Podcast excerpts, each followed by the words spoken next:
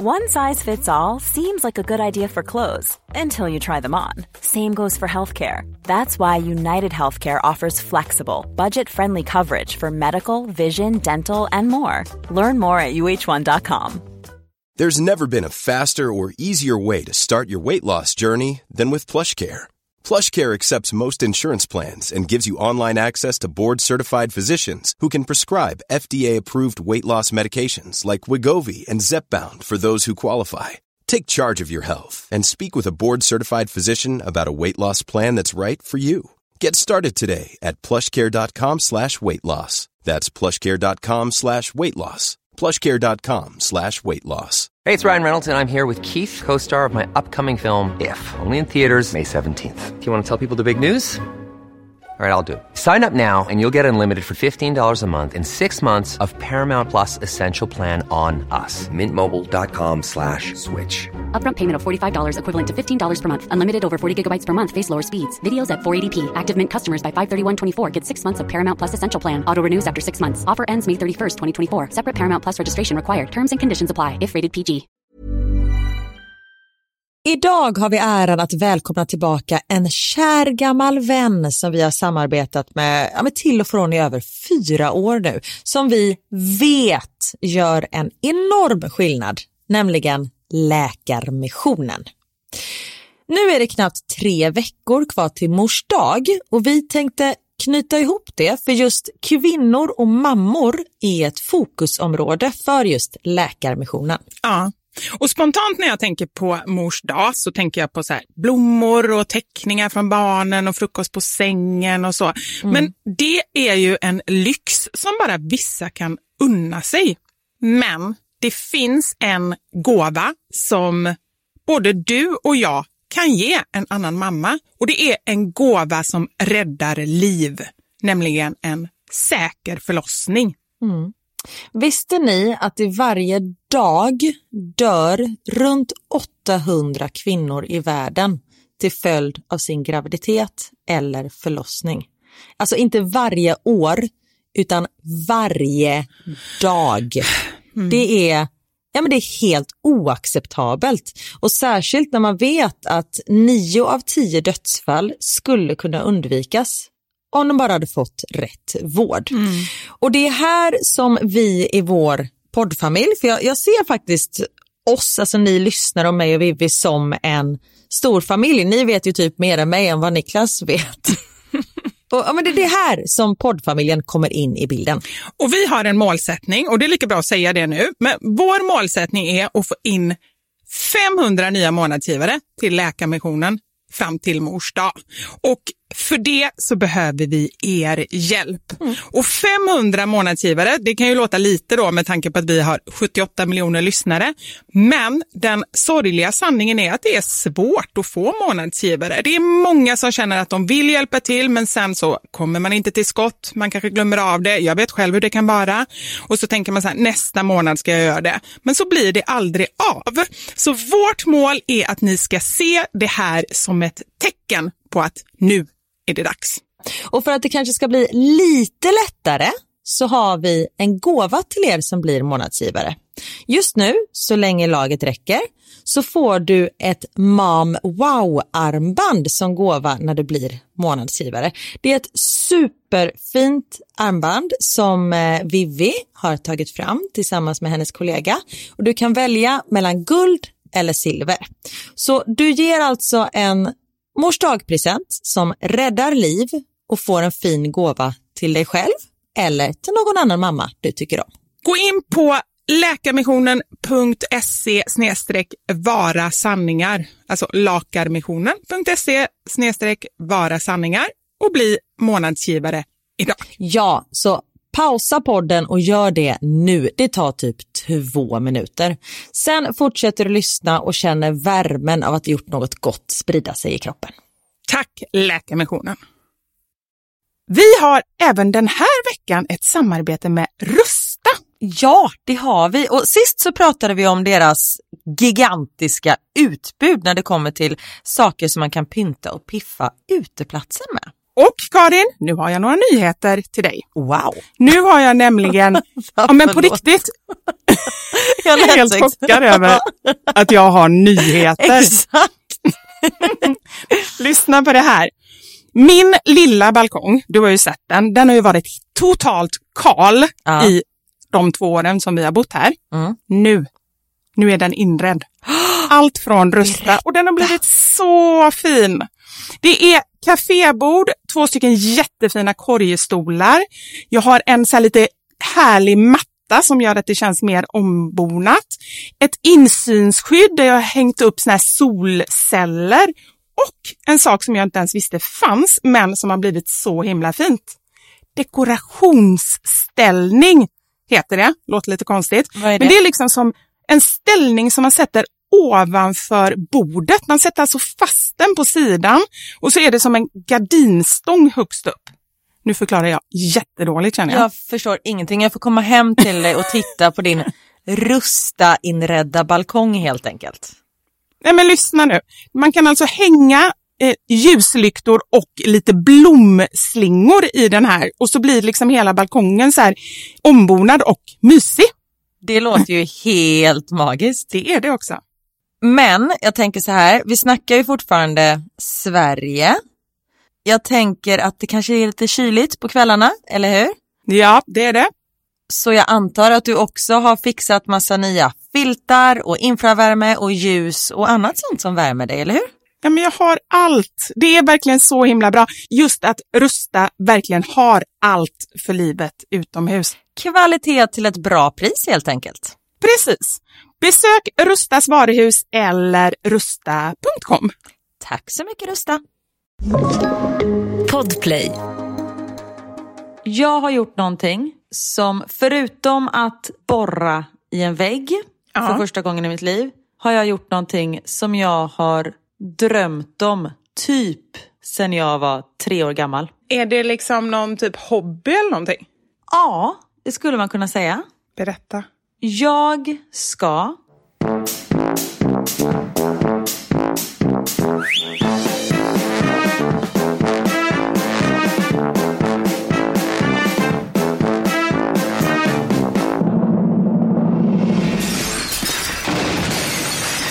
Våra sanningar. Med Vivi och Karin. Hör du mig? Ja, jag hör dig. Hör du mig? Jag hör dig. Hör du mig bra? Ja, som vanligt. Eller vadå? Så Är det något konstigt? Jag har en snuttan i örat.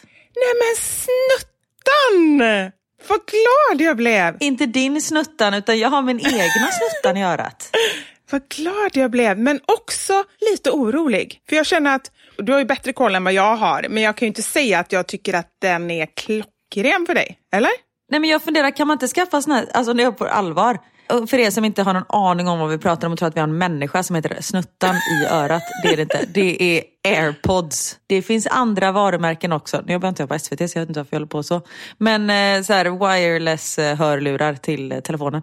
Men jag tänker, kan man inte ha så här senilband, du vet som man har på glasögonen? Kan man inte sätta dem på snuttan? Ja, men jag orkar inte. Vet du hur många som har skrivit in det till mig? Och det är jättegulligt att ni anstränger er och gör det. Men det jag känner det är ju att då kan man ju lika väl ha lurar med sladd. För det är det man vill slippa. Ska jag ha då grejer som hänger? Det är precis samma sak. Ja, det är sant. Eller? Ja, det är sant. Ja, absolut. Men nu tänker jag, för nu när man har sån här, för jag har alltid haft med sladd, för jag gillar det. Jag vet inte varför, då vet jag vad jag håller på med.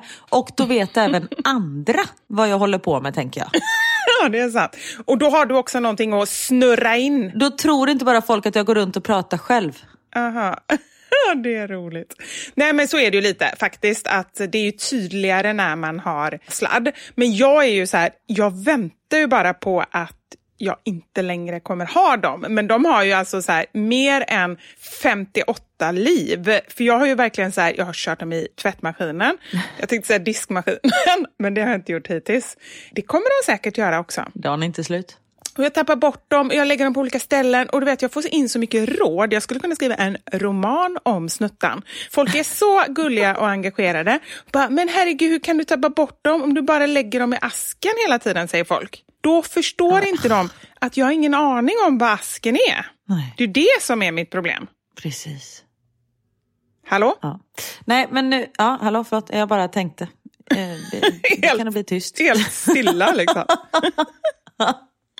Nej, men jag bara funderar, det här är så ointressant för er lyssnare att höra. Men är det mikrofon i båda? Ingen aning. För jag har ju bara i ena nu. Nej, okej. Jaha. Nej, jag vet ingenting om det tekniska så det är ju lite därför jag känner att det får vara så. Snuttan får leva så länge hon lever. Jag har tappat henne under tåget. Jag har liksom, hon har legat i kylskåpet ett helt dygn. Men det är ju så här, hon är tålig och det gör ju att jag älskar henne ännu mer. Eller dem, eller vad det är. Mm, verkligen. Ja. Och jag känner ju, de kostar ju nästan 2000 kronor. Alltså det är ju dyra grejer. Så man hoppas ju verkligen att de är bra. Och därför vill man ju att de ska eh, leva vidare. Men jag behöver ju bara en. I och med att jag har min sån här eh, death piercing, alltså den migränpiercingen i mitt vänstra öra. Så jag kan ju inte ha någon grej där. Så det är ju dumt att jag köpte två. Men det är man ju tvungen att göra eftersom de flesta människor har två öron. Men vet du, alltså du skulle kunna köpa jättebilliga typ på Blocket eller någonting. För jag kan tänka mig att folk så här, ja, tappar bort en och sådär så tänker de, ja men då säljer jag vidare. Fast det är ofräscht kanske. Eller att jag har en kontaktannons. Jag sätter ut en kontaktannons på någon så här svenskar i Bryssel och frågar är det någon mer som har en sån här piercing och bara kan ha en hörlur så har jag en hörlur till salu. Ja, det kan man också göra. Men undra, jag måste, det kan jag göra sen, men bara, eller liksom söka på Blocket och se, är det någon som säljer en snutta eller är det någon som säljer typ bara ett fodral? Om båda snuttarna är borta så kan ju ändå fodralet vara någonting värt. Precis. Jag måste kolla med en gång nu här känner jag, för det här är för intressant för att bara släppa. nu tänkte Men jag... mina hette bara Karins airpods. Ja, jag vet. Det är ju det. Det är ju liksom eh, hela den här historien med snuttan. Vi har dragit in när jag säger det snabbt. Det börjar ju. Folk tycker att det är så konstigt namn. Det är jättemånga som har skrivit in så här att jag kallade min Fiffi, alltså Shishita, för snuttan när jag var liten. Och det är ju väldigt opassande namn. Men grejen är ju att det heter ju det för att när jag gick in i dem, av någon anledning, så såg jag att det stod snuttan och jag har inte döpt det själv. Så då blev det som ett mysterium när jag försökte ta reda på vem som faktiskt har eh, döpt dem till Snuttan. Och du vet fortfarande inte, eller hur? Ingen aning. Det är spekulationer att det kan vara affären, alltså där jag köpte dem. Men jag tror nog nästan mest på att det är någon i familjen som har döpt dem. Och man kan, om man säger till Siri, så här, döp mamma i telefonen till Snuttan. Jag tror det är så. Då blir det att de heter Snuttan AirPod på något sätt. Okej. Nu! Gud. Karin! nu är jag inne här på Blocket. Jätteroligt. AirPods Pro, höger hörlur. Och nu är det bara någon som visar upp en högerlur här. Men det är bara höger jag använder, så fan det var ju dumt att jag tog, eh, att jag gjorde så här, köpte Ah. två nya. Men det är lite äckligt just, jag tycker det kan ju vara lite vaxigt och sånt där tänker jag, när de har varit i örat. Ja, det är ju det. Man, detta kanske är någonting man vill ha nytt. Men det står så här, fullt fungerande höger säljes då jag inte behöver den längre. Då undrar man ju då, har de också en sån här death peer? Hon har en piercing. Hon har en piercing. Hon har en piercing, eller döv på det örat. Hon kanske hade för hög musik, för att det står ju också att inte behöver längre. Hon har en gång behövt. Sen hade hon lite för hög musik och nu Så måste det vara. är hon döv och behöver dem inte längre. Sen är hon lite arg också här ser jag, hon eller han. Skriver med stora bokstäver, typ som det gör man ju när man är arg. Ja, Kvitto och kartong medföljer givetvis inte. då har hon ju hittat den på gatan. Det kanske är så det är. Ja, det är det. Och det är ändå en kille, Wilfred, det är väl en kille? Wilfred, det är ett namn. Ja, tydligen. Aldrig hört. Jag har hört Wilmer och Vilgot och Alfred, men inte Wilfred. Nej, det här är helt nytt. Och som om inte det var nog så har vi här någon i Danderyd som säljer vänstra örat. Så man skulle kunna sätta ihop sitt eget sätt. Nej men ni hör ju. Ja. Att jag inte tänkte på det. Ja, nu vet ni där hemma om ni bara behöver en. Då är det bara att söka på Blocket. En kanon. Men vad är det för andra grejer nu när jag tänker på Blocket? Vad är det för andra grejer som man inte vill köpa på Blocket? Har du någon mer så här kategori? Alltså airpods är ju faktiskt en sån sak. Vad är det mer man inte vill köpa begagnat? Underkläder. Ja, det är sant. Det är kanske inte är så härligt. Badkläder. Ja, Använda tamponger. Nej, men gud, ofräscht. Vad säger du om säng? Vad säger du om det? Ja men det kan jag köpa. absolut. Men däremot så skulle jag nog köpa en ny bäddmadrass. Ja, ja men precis. Så, så jag köpte ju en säng en gång. Mm, att man fräschar till den lite. Och sen bara den ser fräsch. För det kan jag känna, vi hyr ju ut vårt eh, sommarhus på Österlen ganska ofta. Och varje gång så här, första dagarna när vi kommer dit i sommar så bara jag vet så här, nu är det typ 20 andra människor som har sovit i min säng. Jag tycker det är lite sådär, uh. Sen har ju de med sig egna lakan och sånt där. Men ehm, ja, jag vet inte. Det är många som aldrig skulle kunna ens hyra ut sina lägenheter och så, just av den anledningen att man är alldeles för Ja. känslig eller, eller basilrädd, eller vad heter det? Ja. Ja. Ja, men absolut. Men jag tycker det är lite skillnad. Alltså, vi har ju inget personligt där. Mm. Så vi är ju inte rädda att bli bestulna till exempel. Om någon hade tagit alla möbler så hade det varit, ja ja skitsamma, då får vi köpa nytt. Alltså det finns liksom ingenting med affektionsvärde i det huset. Nej, nej Däremot precis. skulle jag nog ha problem att eh, hyra ut liksom, vårt belgiska hus. Mm. Jag tänkte säga, eller vårt svenska hus. Det är ju exakt det vi gör i fyra år. Men det är ju inte våra möbler. Nej, Det är ju bara skalet. då är det en annan sak. Ja. Nu, kolla, nu var jag tvungen att googla här på Blocket-annonser, för man vet ju att det finns lite konstiga Blocket-annonser. Ja, gud ja.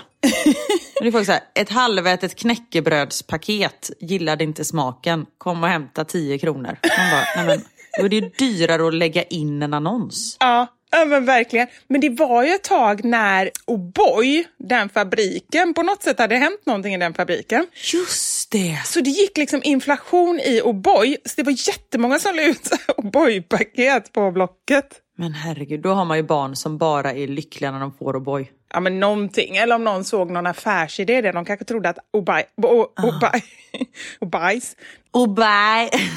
aldrig mer skulle göras eller någonting. För annars är det ju jättekonstigt om man är så beroende.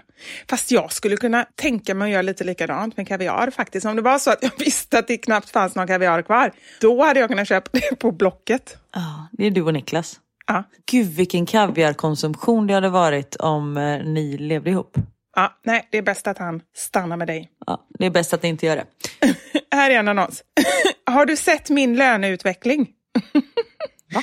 Jag är en lärare som efterlyser min löneutveckling. Den försvann någonstans mellan högskolan och jobbet. Men- Det handlar om ungefär 10 000 kronor i månaden. Hör av dig. Tack på förhand. Är det på riktigt? Ja. Det är ju jätteroligt. ja.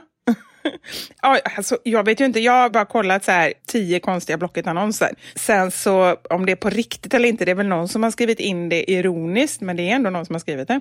Ja, det är väldigt, väldigt roligt. Mm. Apropå våra män. Apropå, vi pratade inte ens om dem. Jag nämnde Niklas i förbifarten förut. Men då förra veckan så sa vi att vi inte hade fått någon respons på att de var med i podden. Ja, Men nu börjar det trilla in tycker jag. du tycker det? Det tycker inte jag. Ja men folk är så här, gud har ni inte fått någon respons? Jag skrev inte för jag tänkte att alla andra skrev, men jag älskar att de var med. Men de tyckte att de var med lite kort. Ja, jag vet. De få som har skrivit in har skrivit till mig också. Ja. Hur mår du? Jag mår eh, fint. Det gör jag. Vad härligt. Ja, men det gör jag. Det är liksom det... Jag tycker att det är så här typiskt um, aprilmående. Nu är det ju i och för sig maj när podden kommer ut, men så här mycket förväntan. Så här, åh, nu är det snart sommar, åh vad skönt. Men samtidigt lite så här stress för att det är mycket att göra och jag är lite så här att jag vill att tiden ska stå still också. Jag, jag kan liksom inte bestämma mig riktigt, så skulle jag säga. Jag hör det. Hur mår du? Ja men jag mår bra.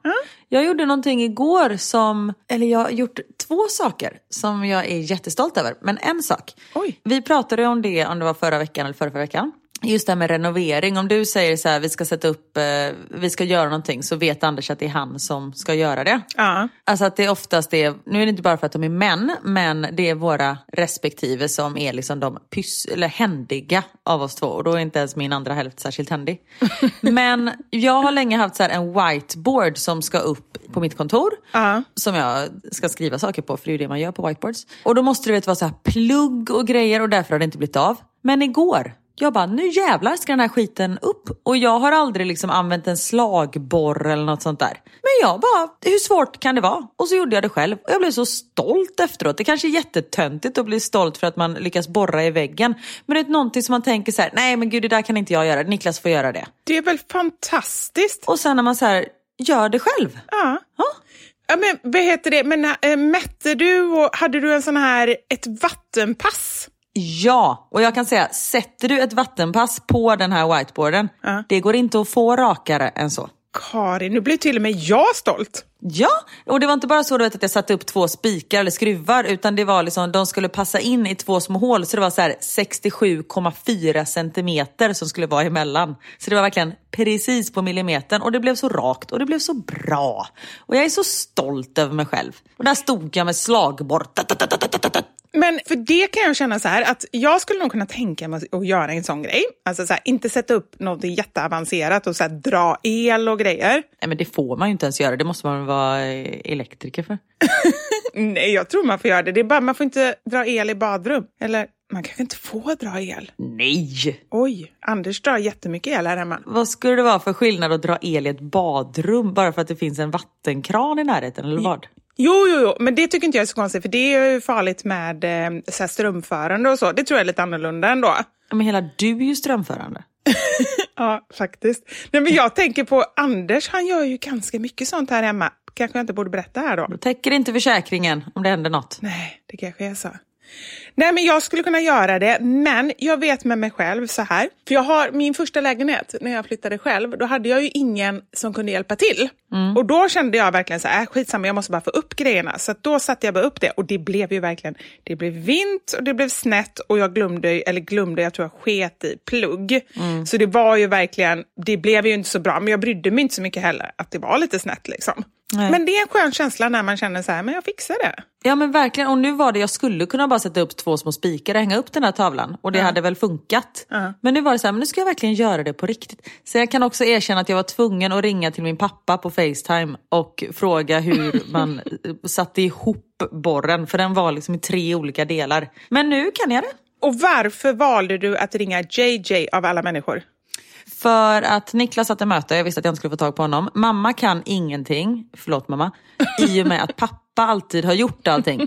Det är därför jag inte heller kan någonting. För Nej. att pappa är så här, "Nej, men jag gör det. Ja. Vilket inte är så bra. Så jag får ju alltså, ångest på riktigt när jag ska sätta upp någonting. För jag är så rädd att göra fel. Inte för att pappa har blivit arg när vi har gjort fel. Men det är samma sak när Daniel ska typ packa en bil. Han får ju också ångest. Man är så van att det är pappa som har gjort det och att han så här, pappa är inte, alltså han vill liksom, när han är med mina barn till exempel, och detta har jag verkligen sagt till honom 10 000 gånger. Men han vill säga, nej men gör så här istället. Man bara, fast pappa de måste få försöka själva. Det ska liksom vara på hans sätt. Och det, det gör han ju bara för att hjälpa till. Men ibland så skälper det ju mer än att hjälper när man ska lägga sig i hela tiden. Man är så här, fast nu gör det ju faktiskt ingenting om det blir fel när han ska rita den där bilen eller vad fan han ska göra liksom. Men du, Karin. Du satte huvudet på spiken. Fan, vilket sammanträffande nu med spikar och borrar och allting. Åh. Nej, men på, eh, faktiskt på riktigt, för att jag känner verkligen att det är så att inom områden där någon annan tar lid eller tar på sig ansvaret som att de är bäst, det är så man ska göra och som liksom så här tycker och tänker hela tiden när man själv gör det, då blir man lite, eller man och man, jag. Jag kan tänka på flera tillfällen nu så här, där jag faktiskt backar och sen känner jag att jag kan inte det. Det är samma, jag, det här med att packa bil. Det är jag verkligen så här att, att jag vågar knappt lägga in en påse i bilen. Jag är så här, nej men du vill säkert ha den på ett särskilt sätt. För alltid när jag har gjort det, Ja men precis. alltid när jag har gjort det, och det är ju inte bara liksom en person och det har väl oftast varit män, eller rättare sagt bara män, så är de så himla så här, nej men då ska den ligga först och den där och då kan man trycka in den i det hålet och inte där för då välter den och du vet så här. Exakt. Så att jag, jag, jag känner mig verkligen så här att jag inte kan det. Ja, men det är därför jag kände att jag valde att jag satte upp den här tavlan när Niklas inte ens var hemma. Ja, det är bra. För då behöver man inte tänka på att det helt plötsligt kommer någon som ska, ja men tänk på det, för ibland är det så här bara, men man vill inte ens ha Exakt. det. Även om det är så här att, okej det kanske blir lite snett eller fel, men jag vill göra det själv, dra. Precis. Nej, men för när jag och Niklas ska göra saker ihop, det blir liksom att jag bara står två meter bort och bara är rädd typ. Ja. Nu låter det som att Niklas blir rasande på mig och han har aldrig sagt någonting överhuvudtaget. Utan det, det här går way back, mina känslor från Ja. barndomen. Nej, men eh, ja. Så jag du vet, står så här och typ håller i hammaren och ger den till Niklas när det är dags att för honom att hamra typ. Men det värsta är nu som jag känner, nu inser jag ju att jag är ju också sån inom andra områden. Hur menar du? Nej men jag är den som någon annan blir rädd, tror jag. till exempel matlagning. Där jag kan ju inte vara i närheten utan att lägga mig i och liksom bara, kan du ta lite extra av det? Och så smakar jag och så bara, oj oj oj, nu, nu behövs det nog lite syra här för att balansera upp sältan. Då är jag precis likadan. Men det är bra att du, eh, och jag, jag är också likadan när det kommer till matlagning. Jag funderar på om jag är, ja, men mina, speciellt, alltså mina föräldrar är ju lite rädda för mig. Och det är inte en jätteskön känsla. Vadå i, mat, i köket? Nej, allmänt. Nej, men, för, men jag tror det är för att jag har sånt kontrollbehov samtidigt som jag behöver, jag är medveten om mitt kontrollbehov. Ja. Men jag vet inte, ibland kan man märka att de trippar lite på tå.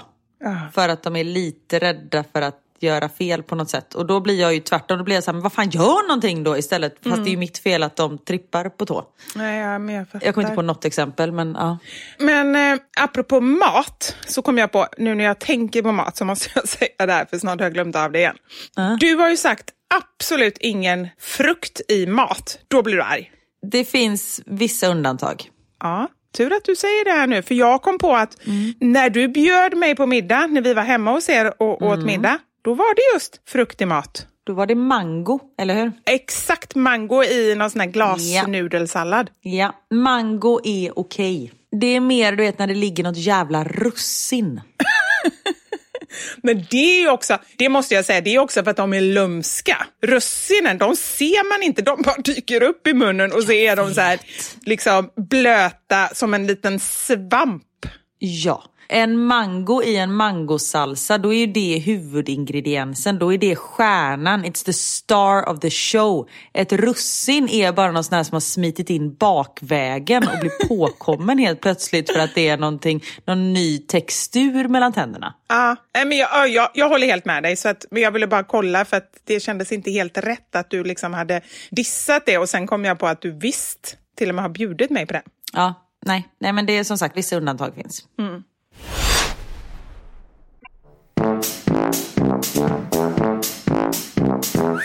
Jag har en eh, sak som jag vill eh, säga.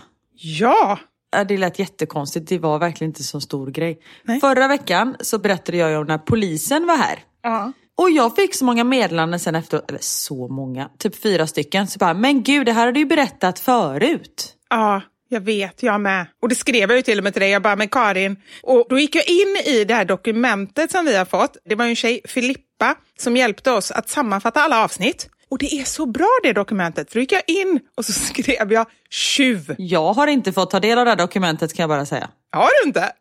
Jag använder det hela Nej. tiden. jag har aldrig hört talas om det. Ja, men, nej, säg inte så Karin. Jag har till och med berättat om det här i podden. Nu kommer alla andra fatta att, att du har noll koll. Ja. Ja, jag ska skicka det till dig hjärtat. Mm. Men då skrev jag tjuv, bandit, natt. Natt kanske det kom upp några andra grejer. Men det kom inte upp någonting där. Så att det, du har, jag tror verkligen inte du har berättat det. Nej men det hade ju inte hänt innan vi, det hände ju några dagar innan vi poddade så jag vet ju att jag inte har berättat det. Däremot hade jag skrivit om det några dagar tidigare på min blogg.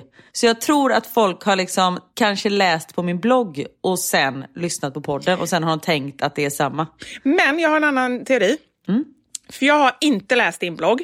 Fast det här är ingen teori utan det här är fakta. Det är det, ja, bara så du vet. Ja, men lugn här, du, du kanske har glömt en sak som jag ska berätta för dig nu. För jag har inte läst din blogg, det vet jag. Och när du berättade det, uppenbarligen så har jag ingen minne av att du hade berättat det innan. Men sen efteråt, när folk skrev det, då fick jag också en gnagande känsla av att ah, men shit, jag har hört det innan. Men då kom jag på det, kan du inte ha berättat det i story? För det kollar jag ju.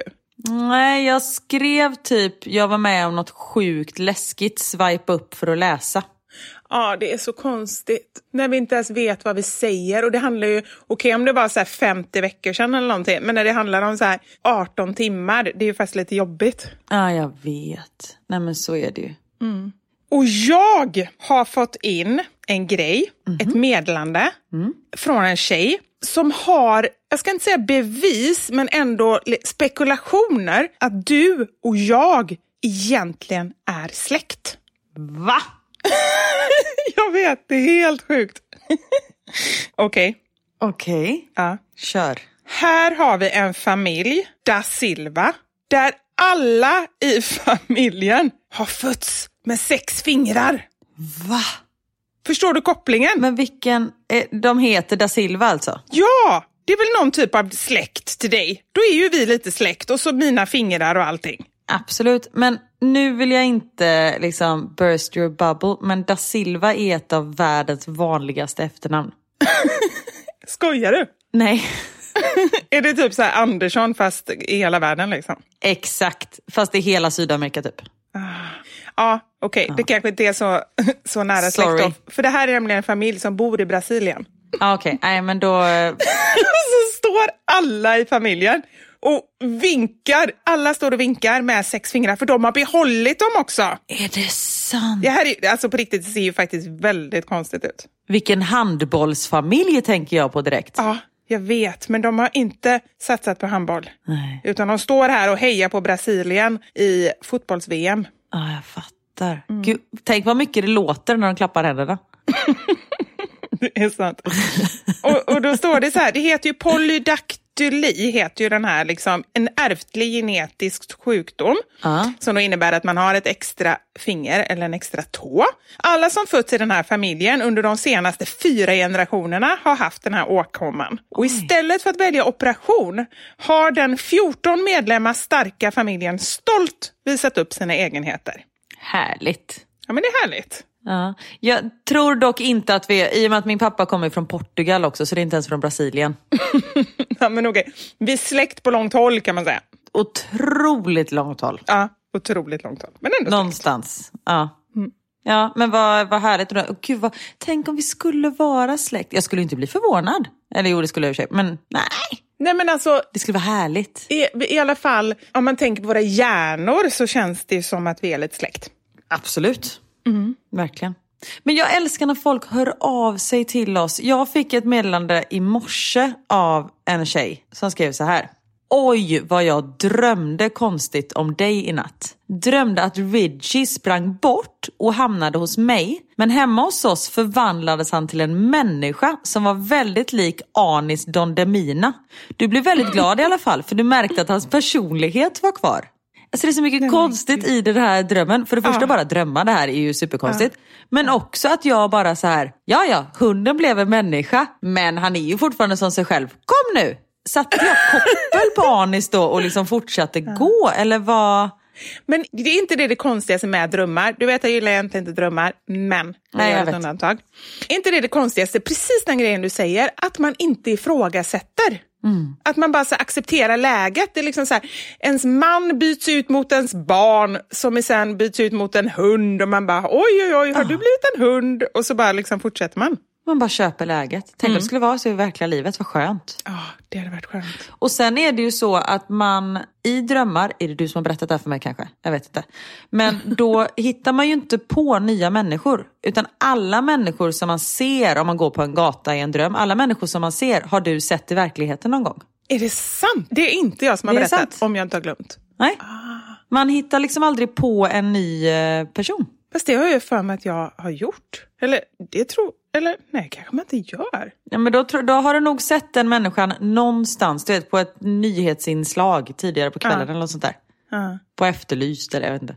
Och så är det jättekonstigt också att man kan drömma om men människor som man i alla fall medvetet inte har tänkt på på alltså typ så här 25 år. Alltså någon som gick i ens klass i skolan eller någon så här som man inte ens bara, men gud, kommer jag ens ihåg den här människan? Man kanske inte ens vet om att man kommer ihåg den och så helt plötsligt dyker den upp i drömmen. Och sen träffar man någon typ dagen efter.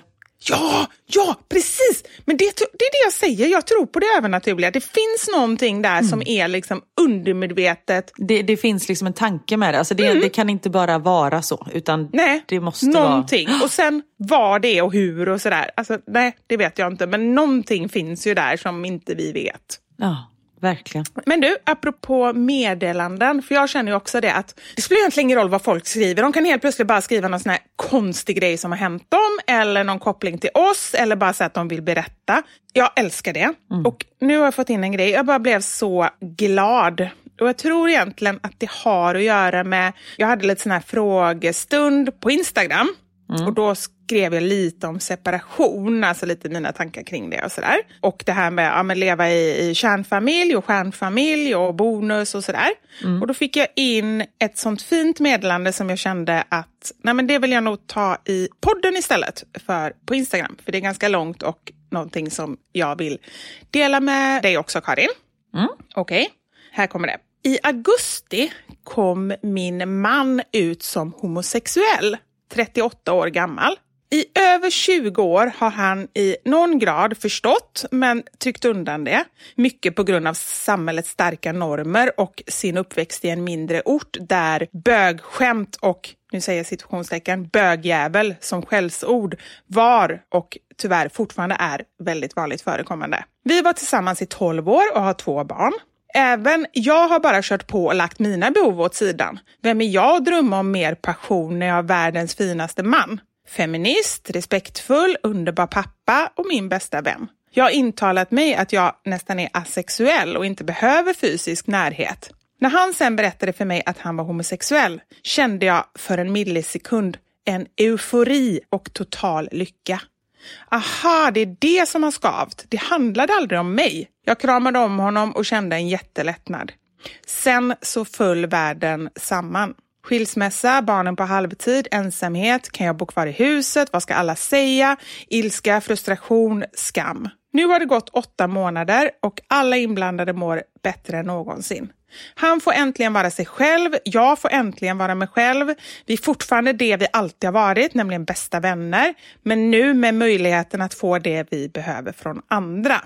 Inom parentes inte direkt jättemycket dating nu i pandemitider dock.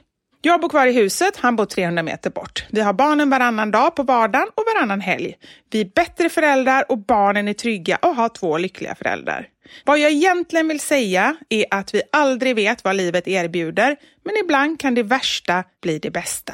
Hösten var onekligen de jobbigaste månaderna i mitt liv. Jag har känt alla känslor på komprimerad tid och gråtit många tårar. Men nu är jag glad, om än trött i kropp och sinne. Men jag har fått möjlighet att lära känna mig själv och mina behov. Och det bästa av allt, allt det fina i vår relation finns kvar. Men vi behöver inte längre gå omkring och känna oss frustrerade och stressade över de delar som inte fungerade av förklarliga skäl. Livet. Gud vad fint och starkt. Ja, men jag kände det. Jag kände bara så här, det innehöll, hon skrev ju det, eh, så många känslor på liksom komprimerad tid. Mm. Och jag tycker hela det meddelandet innehöll så många känslor på liksom ett komprimerat utrymme. Alltså ja, man fick verkligen, verkligen hänga med mellan det här. Först bara så här, och det förstår jag bara när man får höra en sån sak, att det kanske bara liksom själva känslan av att okej, okay, det var inte mig det var fel på. Och mm. sen bara, men shit, besvikelse, hur länge har han gått och känt så här och hur ska det bli nu och sådär. Alltså upp och ner, men också så himla... Men också så här, vilken fin relation de måste ha när han ändå vågar komma ut. Ja. För det, ja, det är mycket som står på spel. Mm. Och att de, de måste ju ha en fantastisk relation för honom att, att inte bara känna så här, nej men skitsamma, vi kör på det här, det blir enklast. Ja. ja, men precis. Och har man gjort det så länge så tror jag det är väldigt vanligt. Jag tror att det är jättevanligt. Tänk hur många då, framförallt förr i tiden när det, mm. när det liksom verkligen var tabu, som har gått hela ja. sitt liv och liksom så här, levt i någon typ av så här kärnfamilj med fru eller då man av motsatt kön, mm. fast man egentligen är gay och vill... Alltså så här, tänk hur många som har levt så. Precis. Jag har tänkt på det så här, vad skulle man, nej men att jag har så funderat på, vem skulle jag helst vilja att Niklas var otrogen med, mot, med, säger man va? En man ja. eller kvinna. Ja. Och det är så här, det skulle nästan vara bättre med en man, för då vet jag att då är det inte mig det är fel på. Alltså då är det ju inte att jag saknar någonting som han vill ha. Eller jo, jag saknar en penis om det är det han är ute efter. Men då är det inte så att han inte tycker om mig. men ja, det är väl inte därför man är ihop med män, bara för deras penis skulle antar jag. Nej, men det är väl ändå signifikativt för att det är man. Ja, Absolut. Men om det är en annan kvinna då känns det som att ja. då är det fel på mig som kvinna. Då är det någonting som den andra kvinnan har som inte jag har. Ja. Nu med detta sagt vill jag också säga att jag vill inte att Niklas ska vara otrogen och det hoppas jag inte att han är. Tror du att du jinxar det genom att säga det eller? Jag vet inte, jag får panik. Jag vill kasta så mycket salt över axeln och spotta och knacka i bordet och sånt där nu. Men just också om han skulle vara otrogen med en man, att man bara så här, men gud har du levt i den här lögnen för dig själv? Att du inte har kunnat vara den du är. Det är ju jättehemskt. Ja men precis, och då blir det ju mer, alltså det känner jag verkligen så här, och, och det absolut att man ska känna alla känslor, vara arg, ledsen, besviken, allting. Men också mycket tycker jag, i alla fall nu när jag läste det här, också väldigt så här att man tycker synd om den personen som inte har kunnat vara sig själv. Det är ju fruktansvärt. Ja men exakt. Exakt. Och jag vill också bara säga, när vi säger att det inte är fel på, då menar vi inte att det är fel att vara homosexuell. Utan jag hoppas att ni förstår vad jag menar. Ja, nu hörde jag inte ens vad du sa. Vadå, vad sa du? Nej men jag sa ju, då är det inte fel på mig. Och då menar, utan att då är det fel Aha, på Niklas nej, lät det som det- att jag menar. Det var inte så jag menar, att man är tillsammans, att Nej, det är fel att vara homosexuell. Ni känner mig, ni vet hur jag menar. Ah. Ja. Nej men gud vad, vad och som hon säger, alltså vissa grejer kan vara svinjobbigt och det är liksom den värsta i ens liv. Men sen så ger det tid så blir det bättre. Och det kanske slutar med att det blir det bästa. Precis, och det är liksom nu, det kommer ju hända säkert mycket till, att de kommer träffa nya och sådär som kanske kommer göra att de känner att det är ännu mer rätt det här. Men det är fantastiskt att hon kan känna så på ja, med lite drygt ett halvår. Men det som jag tycker är så fint i det och som jag ändå försöker förespråka, just det här med att om man inte passar ihop så finns det någon så gammal föreställning att Ja, men är man inte ihop, nej men då kan det vara alltså, så här, allt eller inget. Som att man kan ju ha en jättefin relation och ha allt, alltså så här, verkligen vänskap.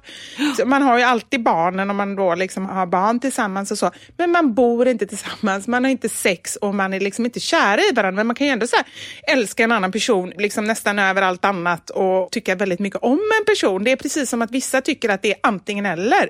Och det vill jag gärna jag önskar att det inte behöver vara så. Och det tycker jag hon beskrev så fint. Ja, verkligen.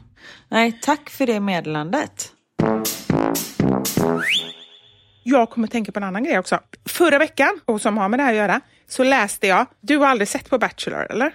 Nej, eller jag vet ju vad det är men jag har inte Ja. sett. Nej. Nej, men då ska jag berätta i alla fall. Jag har ju sett de sista säsongerna, både liksom så Sverige och Australien och USA. Och för något år sedan, eller två, eller något sånt där, så var det en eh, kille som var Bachelor som hette Colton. Amerikanska. amerikanska, precis. Han var, han var oskuld, så han blev liksom känd som första bachelorn som är oskuld. Och han var med en hel säsong och träffade en tjej och blev ihop och de var ihop något år eller två eller sådär. Och sen var det inget mer med det. Och nu har han kommit ut som homosexuell. Och han var med i Bachelor och träffade och sådär. Och han sa det och han skrev precis som, eller han skrev verkligen så här att det satt så långt inne att han var så här, nej men det var ju perioder jag bara kände jag dör hellre än att berätta det här. För att det var verkligen det här med småstad och väldigt fördomsfullt och, och hela den här biten. Så att jag tycker att det är både fruktansvärt att det fortfarande ska vara så, men också fantastiskt att han så här, för det är ju ännu, han hade gått ut i så Good Morning America, alltså så USAs största morgonshow och berättat det här. Fantastiskt att han klarar av att göra det nu, för jag tror att ju, det är ju som allt annat som känns som tabu, att ju fler som kan berätta och framförallt om det är profiler eller liksom stora förebilder eller de som har många följare och sånt där, så blir avtrycken ännu större för då når de ju ut till många. Verkligen. Det är som eh, han eh, Elliot, vänta. Ja, Ellen Page, som nu är Elliot Page. Elliot Page, precis. Ja, men han är ju numera en man. Och Ah. detta är alltså skådespelaren som spelade Juno, var det va? Ja, just det, just det. Ja, jag såg en intervju när han intervjuades av Oprah Winfrey. Och då pratade han just om det här, att anledningen till att han skrev liksom ett öppet brev och la upp på sin Instagram var liksom för att folk ska... Nej men han har ju en sån, så pass stor plattform att han verkligen vill nå ut och visa att, nej, men att det normaliseras. Jag tror att det är jätteviktigt och jättebra om man har det modet. Och det är det på något sätt också som, nu är inte alls samma sak med mig, så här, men som driver mig. Det är till exempel det som jag berättade om min mamma. Det med hennes hjärnskada. Det är nog tre avsnitt sen jag berättade om det. Naturligtvis att hon är med på det. Det är ju det viktiga. Men sen också att jag tror ändå att man genom att vara så pass öppen kan hjälpa fler så att man inte känner sig onormal eller ja, men konstig. Mm, verkligen. Jag tycker det är väldigt modigt av folk att vara så öppna. Och med det sagt vill jag också säga att jag tycker inte att det är en... Alltså folk ska inte känna ett eh, måste, att de måste vara öppna och dela med sig. För alla fungerar ju på olika sätt. Ja, absolut, såklart. Förra gången som vi hade samarbete med matteappen Skooli så var ni väldigt många som testade. Och ni är också många som skrivit och undrat när vi ska ha ett erbjudande igen. Och nu hörni, nu är det dags! Och Zcooly är mer än en matteapp, det vill jag säga. Det är som en sagomattevärld, om man nu kan säga det. Den innehåller mer än 300 spelövningar med inriktning på matte för barn mellan 5 och 12 år. Och De här spelövningarna är utvecklade av erfarna pedagoger och har sin utgångspunkt i läroplanen. Mm. Så barnen tror alltså att de spelar, men egentligen så räknar de matte. Det är perfekt. Exakt. Och nu så har Zcooly lanserat en nyhet. Den heter Sassmandu och är en helt ny ö. Där kan barnen promenera omkring på kullerstensgator, prata med de roliga Zcooly-karaktärerna och lära sig matte i en djungelliknande miljö. Mm. Och Jag tycker det är härligt att kunskap och att ha kul inte behöver vara motsatser. För jag men, Det vet man ju själv. Jag hade, om det var någonting som jag inte tyckte var roligt, då lärde inte jag mig det. Nej. Det är därför som jag är så dålig på geografi till exempel. För jag, det var inte min cup of tea. Nej, men det är ju så. Och de lär dig säkert inte ute på ett kul sätt heller. Nej, precis. Men du, kan dina barn klockan? Inte Max, men Theo kan. Ja, för det är nämligen en sån sak som, nu kan ju mina barn klockan sedan länge, men det är verkligen en sån grej som vi hade lite svårt för det. Och du har ju lite svårt för klockan om man säger så, eller i alla fall att passa tider. det är sant, det är jag som borde gå in och spela där. Vet jag inte om man lär sig det här spelet i och för sig. Men, ja. men det finns faktiskt ett jättebra spel där barnen övar på just klockan, både digitalt och analogt. Och Zcooly fungerar på alla enheter, är fri från reklam och köp i appen öppen och det tycker jag är skönt att veta. Ja. Så man vet att det är bra skärmtid helt enkelt. Och självklart så har vi ett erbjudande till er. Ni får prova helt gratis i hela 30 dagar för att själva kunna bilda er en uppfattning om vad ni tycker. Gå in på skoli.se sanningar och skoli stavas Z-C-O-O-L-Y och så snedstreck sanningar. Och efter den här provperioden så kostar det 99 kronor i månaden. Men det är ingen bindningstid så ni är helt fria att säga upp det om ni mot förmodan inte gillar det. Tack Skoli för eh, att ni gör matte så mycket roligare. Tack. Jag har gjort någonting som förutom att borra i en vägg Aha. för första gången i mitt liv har jag gjort någonting som jag har drömt om typ sen jag var tre år gammal. Är det liksom någon typ hobby eller någonting? Ja, det skulle man kunna säga. Berätta. Jag ska utbilda mig till hundinstruktör. Har du bestämt det nu? Ja, nu har jag bestämt mig och signat upp på en ettårig utbildning och jag är så peppad på det här. Nej, men... Det är någonting som jag har tänkt på så himla länge. Karin, du har ju sagt det till mig. Alltså så här, bara, men jag är ja. så sugen, jag är så sugen. Men gud vad roligt, vad bra att du kom till skott. Ja, nej men nu kör jag.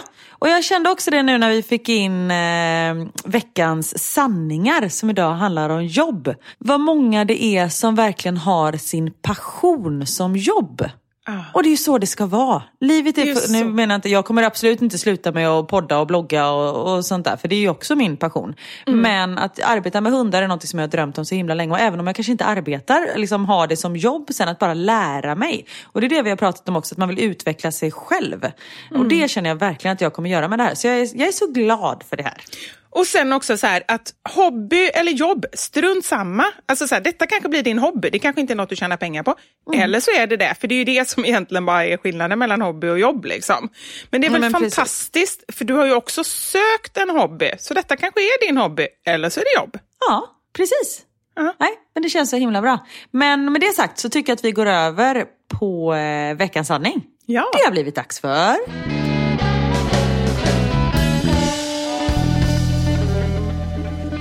veckans sanning. Herregud vad mycket olika jobb det finns. Och det är klart, alltså det måste ju finnas någon som är väktare på Facebook. För jag menar de jobben finns ju. Vadå väktare på Facebook? Vad menar du med det? Jag har fått in en som är väktare på Facebook. Jag vet inte riktigt vad det innebär. Han kanske, eller hon, nej det är en han på bilden. Han kanske skämtar. Men det, är väl, det måste väl finnas sådana också som har kollat att folk sköter sig. Men det gjorde jag faktiskt för att jag la ut då, så här, ah, men eh, skriv om era jobb om de är roliga, tråkiga, spännande sådär. Mm. Och då fick jag ju in hur många som helst som bara skrev så här, jobba på bårhus. Ja men exakt, man vill ju ha någon förklaring. Ja, men vill ju veta mera. För jag blir så här, bara, men gud vad gör man då på ett bårhus? Ja, och jag har gjort av mig till folk, när det är någon som skriver så, -huh. så har jag så här, berätta mer. Ah, och då, bra. folk har ju en passion för sitt arbete kan jag säga. Mm. För det blir jag också väldigt glad över. Det är några som har skrivit att de inte gillar sina jobb. Mm. Men väldigt många skriver så jag har världens bästa jobb. Och så berättar de oh. om grejer som liksom, jag kan ju tycka så här, vissa av de grejerna, bara gud det här hade jag verkligen inte passat som. Men jag, jag, man blir glad när folk verkligen älskar sina jobb. Ja, och det är det jag menar med att man har sin passion som sitt mm. arbete. Det är fantastiskt. Ja, vet du vad Karin? Jag tycker vi liksom höjer det här en nivå till och så säger vi till varje grej vi läser upp, eller kanske inte till varje, men till en del i alla fall, så säger vi om vi tror att vi skulle passa som det här. Mm. Då kör vi! Ska jag börja med en då? Ja. Här har en skrivit in. Jag jobbade som chattvärdinna då var jag ensamstående och pluggade. Alltså detta var en sexchatt där män betalade pengar för att chatta om sex. Men de fick aldrig veta vem det var de chattade med. Och då blev jag så här, jag bara berätta mer. Alltså snälla uh. berätta mer. Uh. Och då skriver hon så här. Jobbade som en chattvärdinna där man som kvinna var helt anonym. Uh. Men man hade liksom olika alias som man var tvungen att läsa på om kvinnans personlighet och så vidare. Alltså alla vi som jobbade kunde svara på meddelanden till en och samma kvinna. Så det gällde att liksom hålla sig uppdaterad vad föregående skrev så att inte männen förstod att det bara var en påhittad person han skrev till. Men alltså fattar du att hålla reda på allt det här? Det är ju sån glamour, alltså den tv-serien. men då måste det ju vara så att man är typ som en avatar. Va? Ja, men lite så. Nej men, nej, men så här. Om det är då Birgitta, 30 år, och så är det massa information om henne. Ja. Då är det jättemånga som tror att de skriver till Birgitta, men egentligen så sitter det ju så här, Anna, Sara, Maria, Linda, alla möjliga och svarar. Exakt. Och hon fortsätter skriva så här. Alltså detta är en verksamhet dit män betalar för att chatta med kvinnor som de tror existerar. Men alla kvinnorna är påhittade. Och så är det typ på alla sexchattar. Männen tror att det är riktiga kvinnor som de chattar med. Mm. Och till och med tror att de kan få träffa. Men i själva verket är helt overkliga kvinnor. Ganska sjukt egentligen. Ja, det är ju faktiskt sjukt. Och hon skriver också att det, liksom, det var helt okej okay betalt och sånt där. Men att man var tvungen att lägga ner väldigt mycket tid och, och sånt där. Och ibland har ju liksom, och att hon inte skulle kunna tänka sig att göra det igen. Mm. Och jag vill också bara säga, jag dömer verkligen ingen, vill jag också ha sagt. Men jag tror inte att jag skulle, eller samtidigt fan det kanske skulle vara kul. Eller jag vet inte, vad säger du? Nej, det känns bara som att, alltså rent moraliskt så känns det som att eh, nej. Nej. Men det här med att liksom så leva sig in i en annan människa och historiemässigt och så, det tror jag ändå att jag skulle tycka var roligt och vara ganska bra på. Mm. Men just eftersom det ändå är sex så skulle jag inte göra det. Ja, precis. Men mm. gud, jag hade ju bara, vad har du på dig? Ja, nej, jag sitter här i mjukisbyxor och skulle inte komma på något sexigt att skriva överhuvudtaget. men precis. Nej men gud. Och, och det roliga, jag har en liknande fast det är telefonsex. Mm. Den börjar så här. Jag jobbade med telefonsex när jag var runt 20 år. Jag jobbade cirka 80 timmar i veckan och fick magsår. Men nu i efterhand så är det ju roligt att kunna berätta om. Min fästman, inom parentes nu exman, var dock inte lika nöjd när jag stönade nätterna i ända. När han friade så stod han på knä framför mig och telefonen ringde. Det var en person som, det här är så sjukt också att hon svarar då när han friat henne, men hon kanske var på jour eller någonting, hon kanske var tvungen att svara. Det var en person som ville att jag berättade om hur jag bajsade på honom. Efter samtalet fortsatte min man att fria och fick ett ja. Han stod alltså på knä framför mig under tiden när jag berättade om att jag bajsade på den här människan. När vi hade lagt på så avslutade vi det hela med Vill du gifta dig med mig? Ja. Men vad fint och vad märkligt. Undrar om de, om de skulle få barn, undrar om de berättar om det frieriet exakt hur det var till sina barn? Ja, de eh, hade tydligen barn. Men nu är de separerade. Ja, det undrar man ju verkligen. Ja. Oj. Pappa, hur var det när du friade till mamma? Jo, hon stod och pratade bajsex med en okänd man. Och då gick jag ner på knä.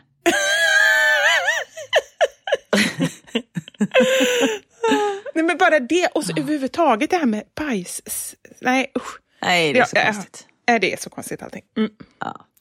Alltså det här är typ mitt drömjobb. Mm. Back in the day, 2003, så jobbade jag på Ölands djurpark. Bodde även på djurparken då och delade rum med apan Hjördis. Då var hon bara en liten unge. Nu har hon viss Hollywood-karriär. Nu jobbar jag på kontor. Alltså tänk att dela rum med en apa. Nej men det kan inte vara på riktigt. Man kan väl inte dela rum med en apa? Jo! Hon skickar också en artikel här till Expressen där det står apan Hjördis har blivit känd i Hollywood. Nej men snälla, detta är ju superspännande och väcker så många andra frågor. Alltså så här, när jag fick reda på, man tycker ju den här lilla apan, herr Nils, nej det var det hästen, nej det var apan. Ja, lilla Ja. gubben var hästen. Ja, det var lilla gubben. Ja, men herr Nilsson som man tycker var så söt och harmlös och liksom satt där på Pippis axel och i håret så här, att han egentligen var jätteaggressiv och bet och liksom sådär. Hon var jättesexuell har jag hört och bara stod och juckade och gned sig på alla. Nej men oj, det har inte jag hört. Okej, nu drog jag det lite för långt igen. nej men då tänker jag så här, att dela rum med en apa liksom, då måste man vara ansvarig för den hela tiden. Det är inte så att man bara, ja då går jag och lägger mig, Du- kan du släcka lampan sen när du lägger dig? Ska du läsa nu eller? Ja, okej. Nej men det är ju en liten apbebis. Ja, jo det är sant. Jättehärligt. Det här då.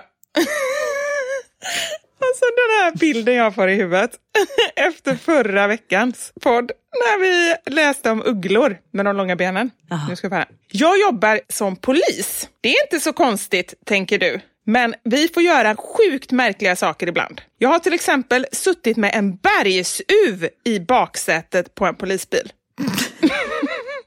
Den var skadad och skulle till ett hotell för skadade fåglar. Den stirrade på mig som om den ville döda mig.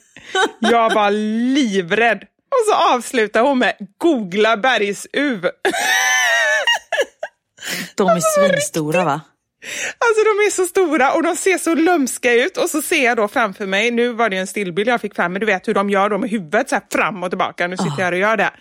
och så den här stirrade blicken. Och sen tänker jag då på de här långa benen, för det måste ju vara likadant för bergsuvar som för ugglor, Ja. eller? För det är väl en uggla? Jag ser att den sitter på sätet och har säkerhetsbältet på sig och sitter och dinglar lite med benen. Det är Så jag ser den och vrider så här på huvudet typ ett och ett halvt varv och sitter och glor på henne och blinkar ingenting. Och bara ho ho. Men det är det också, det är svinobagligt när de inte blinkar. Alltså jag gillar inte grejer som inte blinkar, för det är, det är så obagligt. Inte blinkar, nej. Det kan du sätta upp på min lista folk man inte vill möta i skogen. Någon som inte blinkar. Folk, jag tänker typ kossor och sånt där. Ja, det är men det sant. kanske finns människor De också. blinkar inte kossor. Nej men det var någon som sa det till mig. Har inte vi pratat om det? Har jag för mig. Nej, det har vi säkert. Jag tror inte kossor blinkar. Nej, kanske inte gör. Ja, jag vet inte, jag kan ha fel. Obehagligt. Här är en som är bilskollärare. Och hon skriver även det bästa och värsta.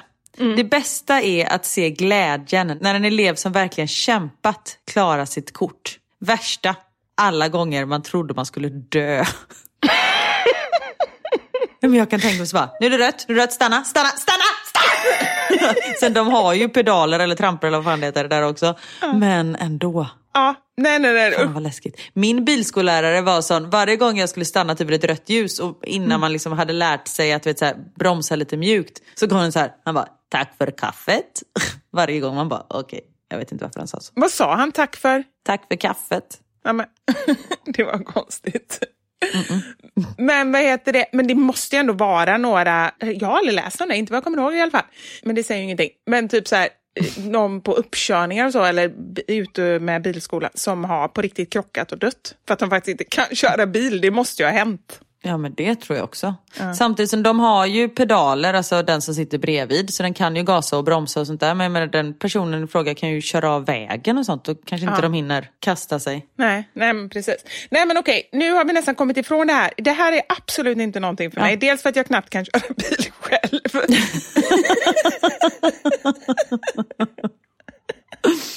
Och sen också, jag, jag blir väldigt illamående i bil så jag vill helst bara sova när jag ska åka bil. Känns inte så passande. Du bara, du kan köra runt lite så ska jag bara fälla bak mitt säte lite. Bara runt, runt i en rondell. typ så här, tusen varv. Oh, Gud. Skulle du vilja ha det eller? Nej, verkligen Nej. inte. Jag skulle bli så irriterad.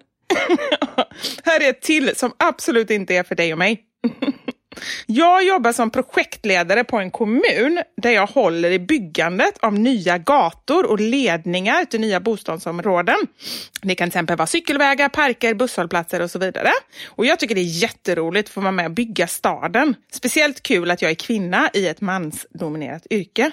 Jag tänker med dig och mig, vi skulle så här freebasea och så här, bygga en busskur typ med sängar och en liten kaffestation. Och det skulle inte bli, alltså det skulle bli bra, det skulle bli svinbra, men jag tror ändå inte att det skulle så här, bli godkänt i slutändan. Det tror jag inte. Verkligen inte. Men gud vad intressant att få planera alltså. Här var en som skrev att hon var renrumsoperatör. Och jag bara, vad är det? Snälla berätta mer. Då skrev hon så här. Ska försöka förklara kortfattat. Mitt jobb som renrumsoperatör innebär att man tar på sig två lager kläder, varav ett lager kallas pyjamas. Man har hårnät, munskydd och handskar för att sen gå igenom en luftsluss för att komma in till själva linan jag kör. Det vet jag inte riktigt vad det betyder. Men ja. ja, man ser helgalen ut. Väl inne finns det då beteenderegler för hur man ska bete sig i ett renrum. Med andra ord, inget onödigt prat, inte skratta, inte dansa, inte röra sig för mycket, inte ta på dina eller någon annans kläder, inte prutta och ingen mobiltelefon. Det här är inte ett jobb för dig och mig, hör jag direkt. Allt detta genererar ju partiklar och det vill vi undvika i ett renrum. Just på mitt jobb bygger vi kameror till bilar. Alltså tänk dig dig och mig in i ett sånt jävla rum, det hade blivit kaos. Verkligen. Men det roliga är att du var nästan tvungen att läsa ända till slutet innan jag förstod att det inte handlade om renar, alltså djuren renar.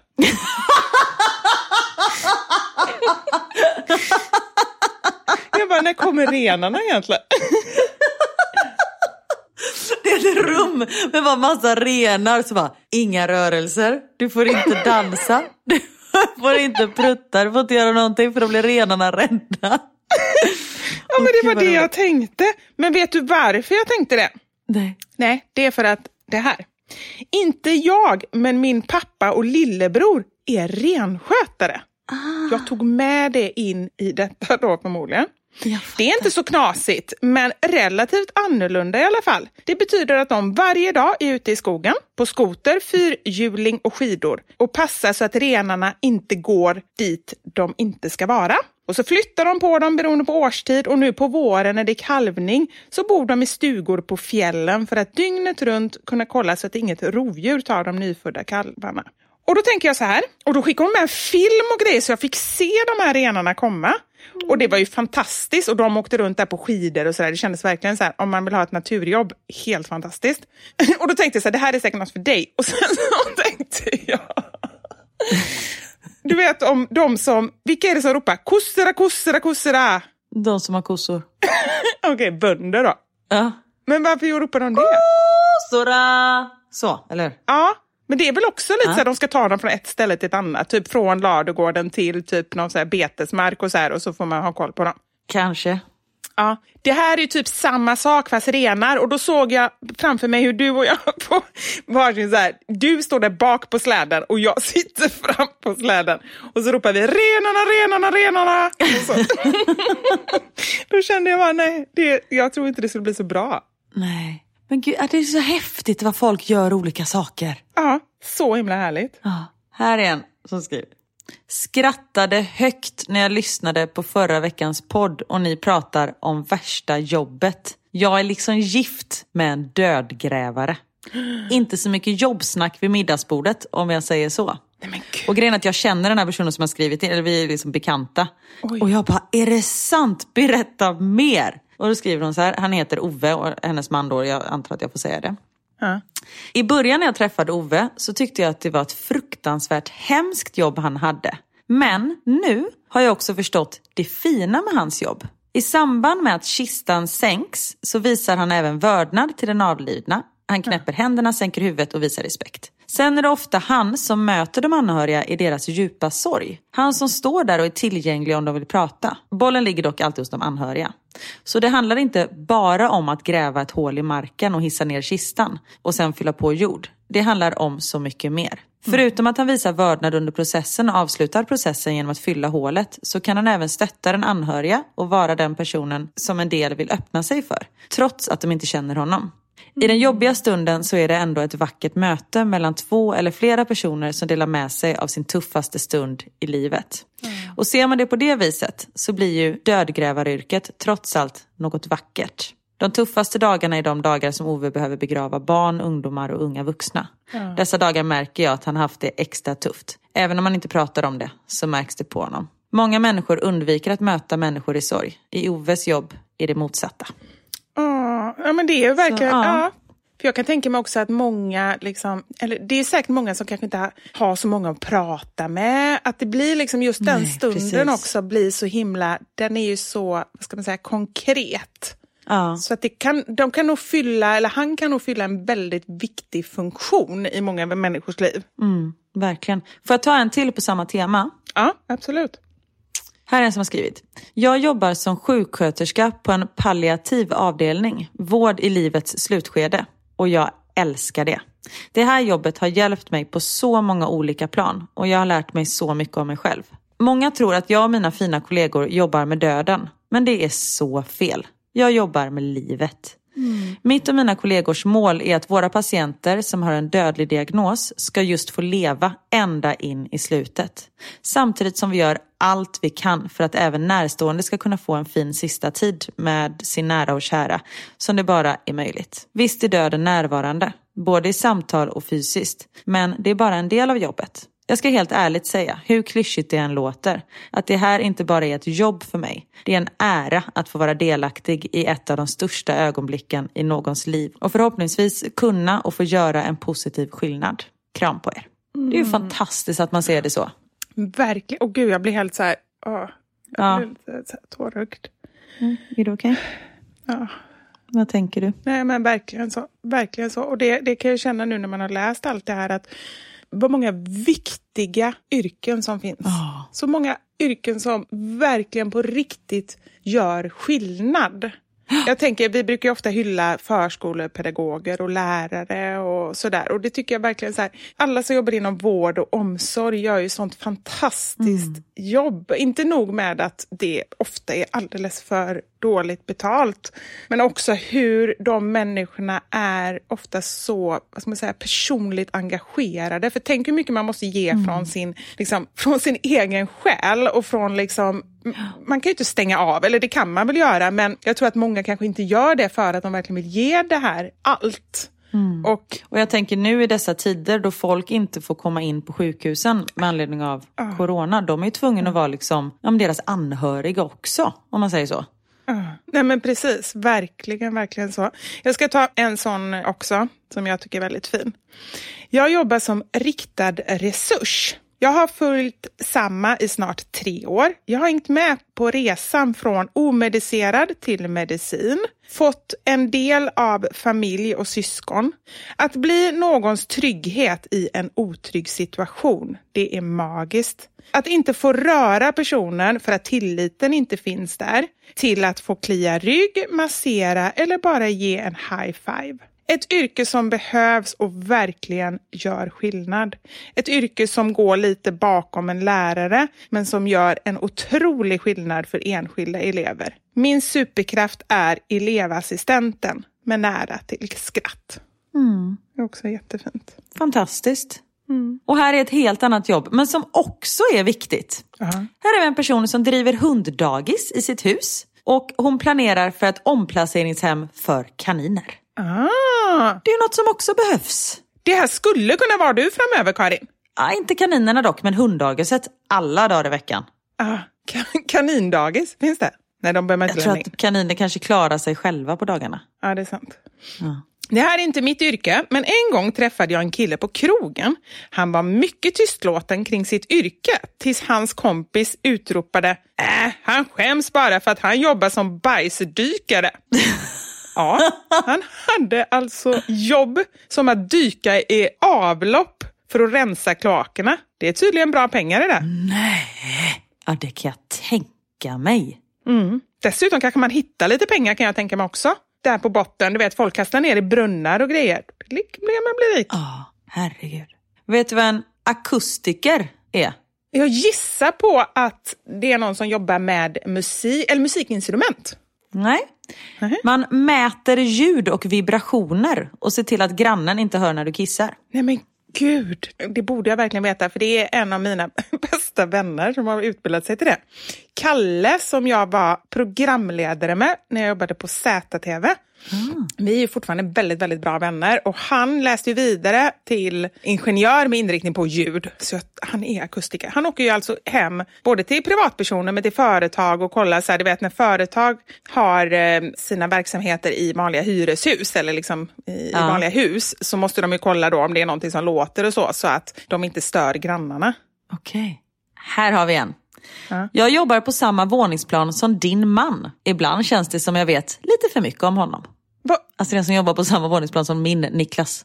Nej, vadå i Bryssel?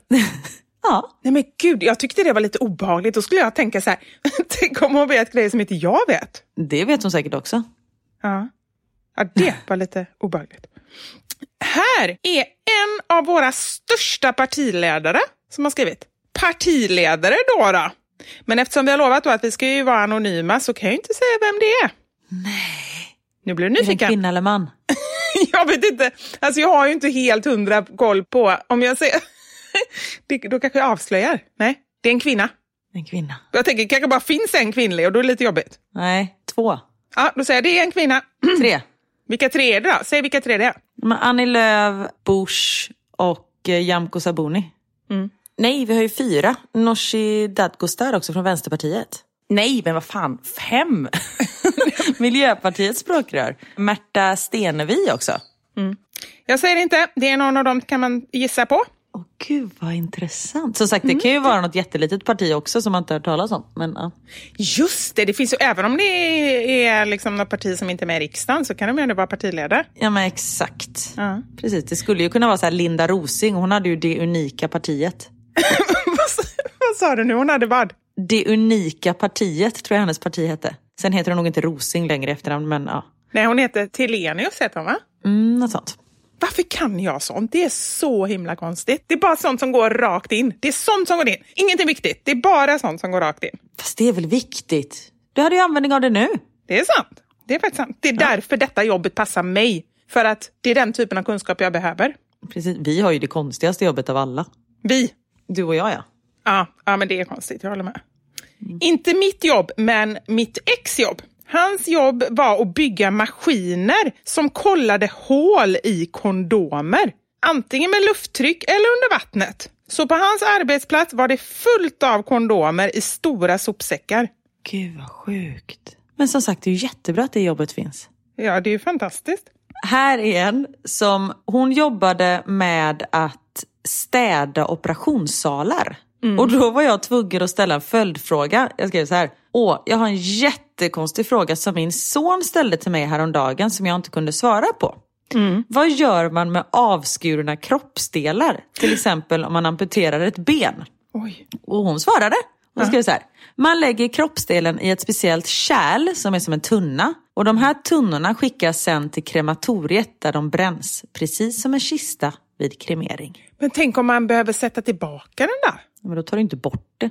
Nej, men... Man råkar inte slänga den. Nej, men man kan ju råka, till exempel min eh, högstadielärare. Hennes man skulle ju klyva ved och hon skulle hålla veden. Och han råkade hugga av hennes ringfinger. men då hade de inte tagit bort det under en operation. Nej, men de, nej, det är sant. Men då fick de väl åka med sjukhuset och ha den här? Va? Nej, men alltså, nej, jag tänkte mer så här, nej det är sant, då kommer man in med den här fingern, för det antar jag att man försöker ta med sig in och försöker sätta fast. Ja. Det är klart, då ligger du inte kvar där sen. Nej. Det har du rätt i. Här då, ett yrke som absolut inte skulle passa mig. Jag skulle vara så jäkla rädd hela tiden. Mm. Jag har jobbat som spöke på spökhuset på Liseberg. Gasten! Ja, eller hur? Det är så spännande. Men jag skulle vara så rädd själv under tiden för jag skulle tänka att det kommer någon annan eller någon mördare som har tagit sig in där och typ skulle gå på mig på något sätt. Ah, man tillbringar ju en hel sommar i ett mörkt hus med smink i ansiktet, så solbrun blir man inte. Men det är ofta kul att skrämmas, men nog har jag fått ett slag här och där. Och någon gång blev jag till och med spottad på. Oj. Jag känner väldigt många som har jobbat i just gasten. Jaha. För när jag gick på Balettakademin så mm. vi utbildades, alltså vi läste ju teater och sånt där och det är ju en väldigt bra, alltså man går in i en roll och sånt där. Så det var många av mina klasskamrater som jobbade på gasten under sommaren. Ah. Och de berättar ju, alltså för det första har jag gått i gasten när de jobbar och jag tror att de kan så här prata med varandra så det är så här typ Karin går i grupp tre och du vet, så här, skrämmer livet ur en lite extra. Liksom. Men de berättar, för man vet ju själv om man blir rädd, man kan ju bara ge någon en rak höger. ja men verkligen. Jag och Knut skulle gå själva. Och då var vi bara två och det är superobehagligt för man vill inte gå först och man vill inte gå sist. Nej. Så jag bara försökte först omringa honom liksom för att han, och jag var ju lika rädd som han bara, till slut så hittade jag några andra två stackare som jag bara sög fast oss på. Så vi bara så här, får vi gå mer? Och så bara tryckte, så, så fick de gå en först och en sist för vi var sjukt rädda. Ja, men det är läskigt. Mm. Det är läskigt. Här är en som jobbar som guide på ishotellet. Och så skriver de. Oh. Kan ha varit det bästa jobbet jag haft. De flesta gästerna var så förväntansfulla och glada. Och så varierande och roliga arbetsuppgifter. Jag jobbade som värd och vi var ansvariga för nästan allt som rörde det kalla hotellet. Mm. Vi hade små guidade turer varje eftermiddag där man berättade hur man förbereder sig inför en natt i fem minusgrader, hur man använder en sovsäck och vad man ska ha på sig. Vissa av gästerna hade aldrig sett snö eller använt en sovsäck, så det var väldigt nytt och lite skrämmande för en del. Mm. På morgonen väcks alla gäster med varm lingondricka som man kommer med i en stor ryggsäck. Så man ser ut som Ghostbusters. Sen var det även vi som städade i isrummen. Städvagnen går på skidor och städredskapen i en skyffel som man skyfflar bort smutsig snö med. Och borste att borsta bort renhår från sängen med. Alltså inte, nu är vi där tillbaka på renarna. Man sover ju på renfällar. Det är inte så att renar kommer och sover i rummen. Vill jag bara förtydliga för dig Vivi. Som har lite svårt med renarna. Skillnad på ren och ren. Ja, precis. Om det är smuts på väggarna eller större smuts på golvet, finns folk som kissat i rummet eller spilt lingondricka till exempel, får man gräva bort det och sen ta i ny snö och laga väggen med. Mm. Alltså hur intressant?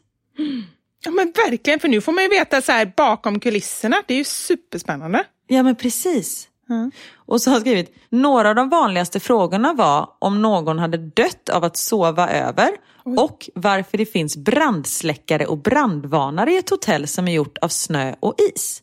Och då kan jag berätta, det är svensk lag på att alla hotell måste ha brandsystem även om det är ett ytterst svårantändligt hotell.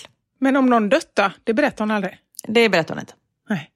Ja, nej men superspännande. Det här har jag en till grej som jag inte ens visste fanns, men nu ska vi få veta lite mer om det här. Jag jobbar på en mobil förskola. Har du hört talas om det? Nej, vad är det? Man har hört talas om ur och skur och liksom så här, men mobil förskola, nu ska du få höra.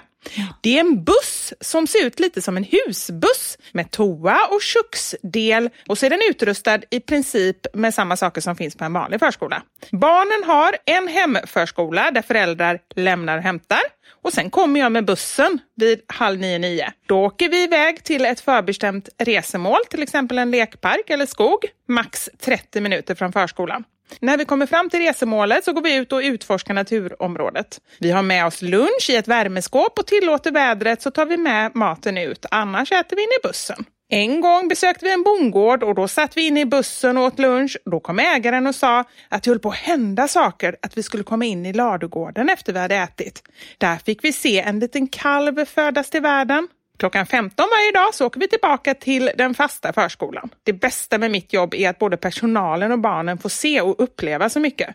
Det är så häftigt att se hur barnen utvecklas. Alltså shit! Det är så coolt! Gud vad coolt! Jag vill liksom, nu har inte jag små barn som går på förskolan längre, men annars skulle jag typ vilja flytta dit. Där den här bussen finns. För jag tycker det lät ascoolt. Verkligen. Tänk vad barnen får vara med om. Hon har en blogg. Nu går jag in och läser på bloggen här var hon bor någonstans. Så man kan flytta dit om man vill. Flytta dit och skaffa massa barn.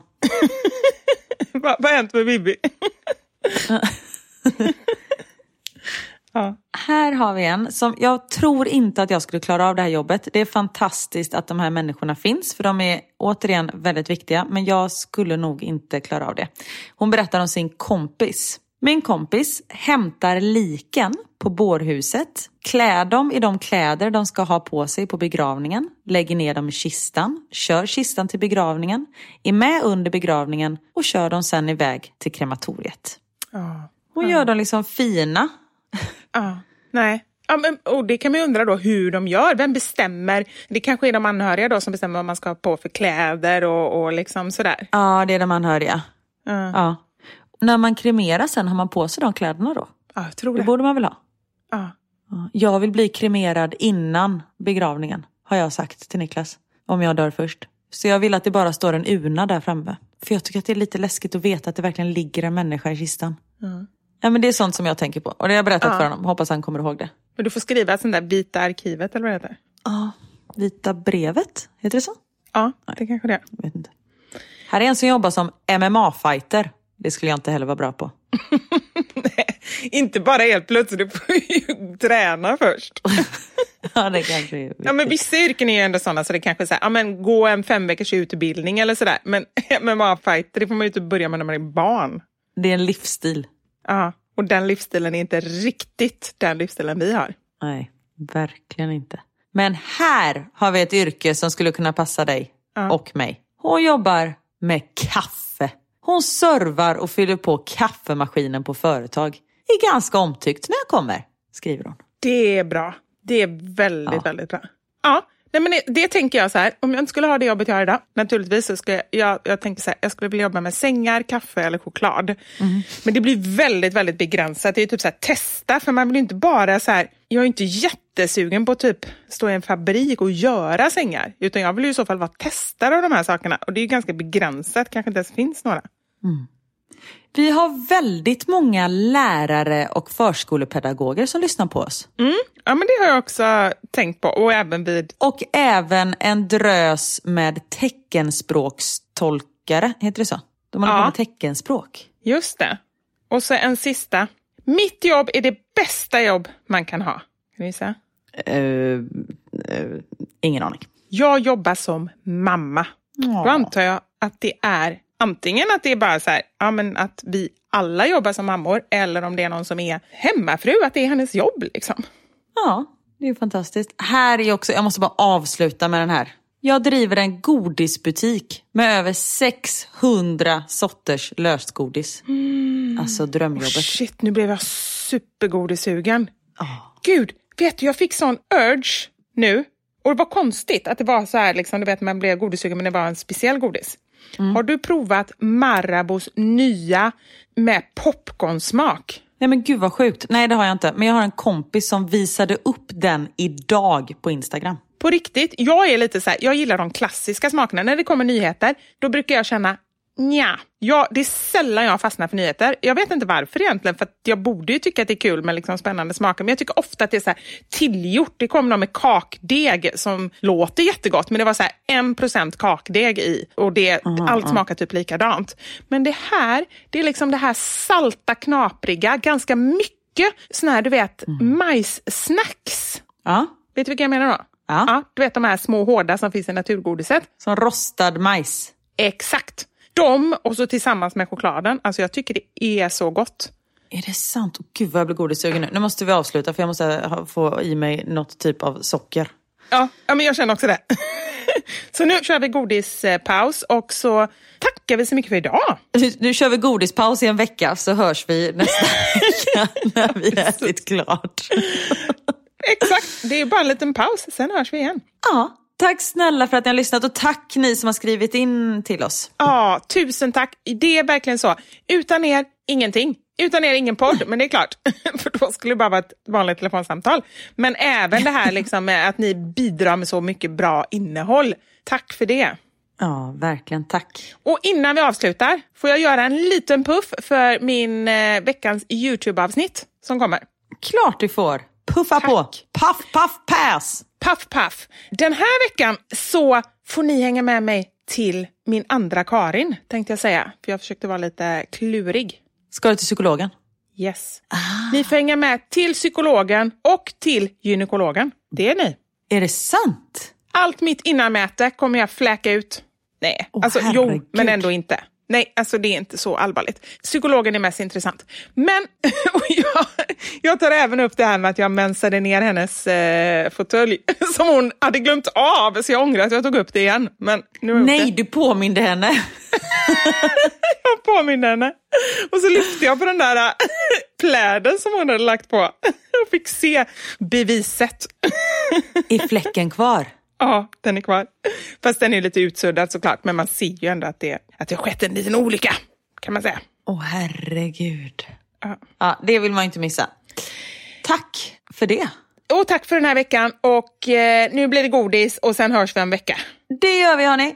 Ha det gött. Ha det bra!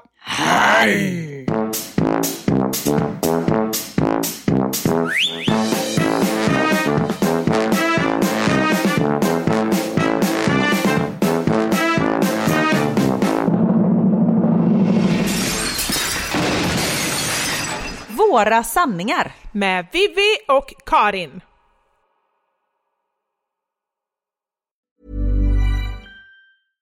Imagine the softest sheets you've ever felt. Now imagine them getting even softer over time. That's what you'll feel with Bowl and Branch's organic cotton sheets. In a recent customer survey, 96% replied that Bowl and Branch sheets get softer with every wash. Start getting your best night's sleep in these sheets that get softer and softer for years to come. Try their sheets with a 30-night guarantee. Plus, get 15% off your first order at bowlandbranch.com. Code BUTTERY. Exclusions apply. See site for details.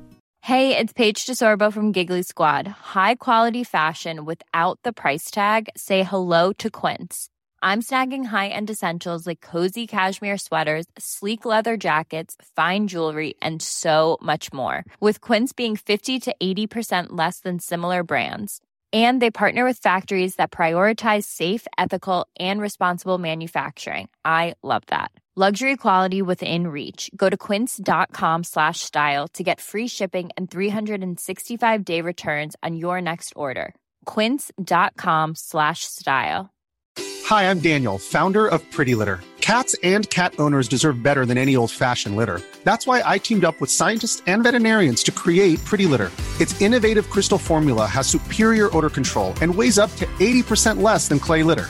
Pretty Litter even monitors health by changing colors to help detect early signs of potential illness. It's the world's smartest kitty litter. Go to prettylitter.com and use code ACAST for 20% off your first order and a free cat toy. Terms and conditions apply. See site for details.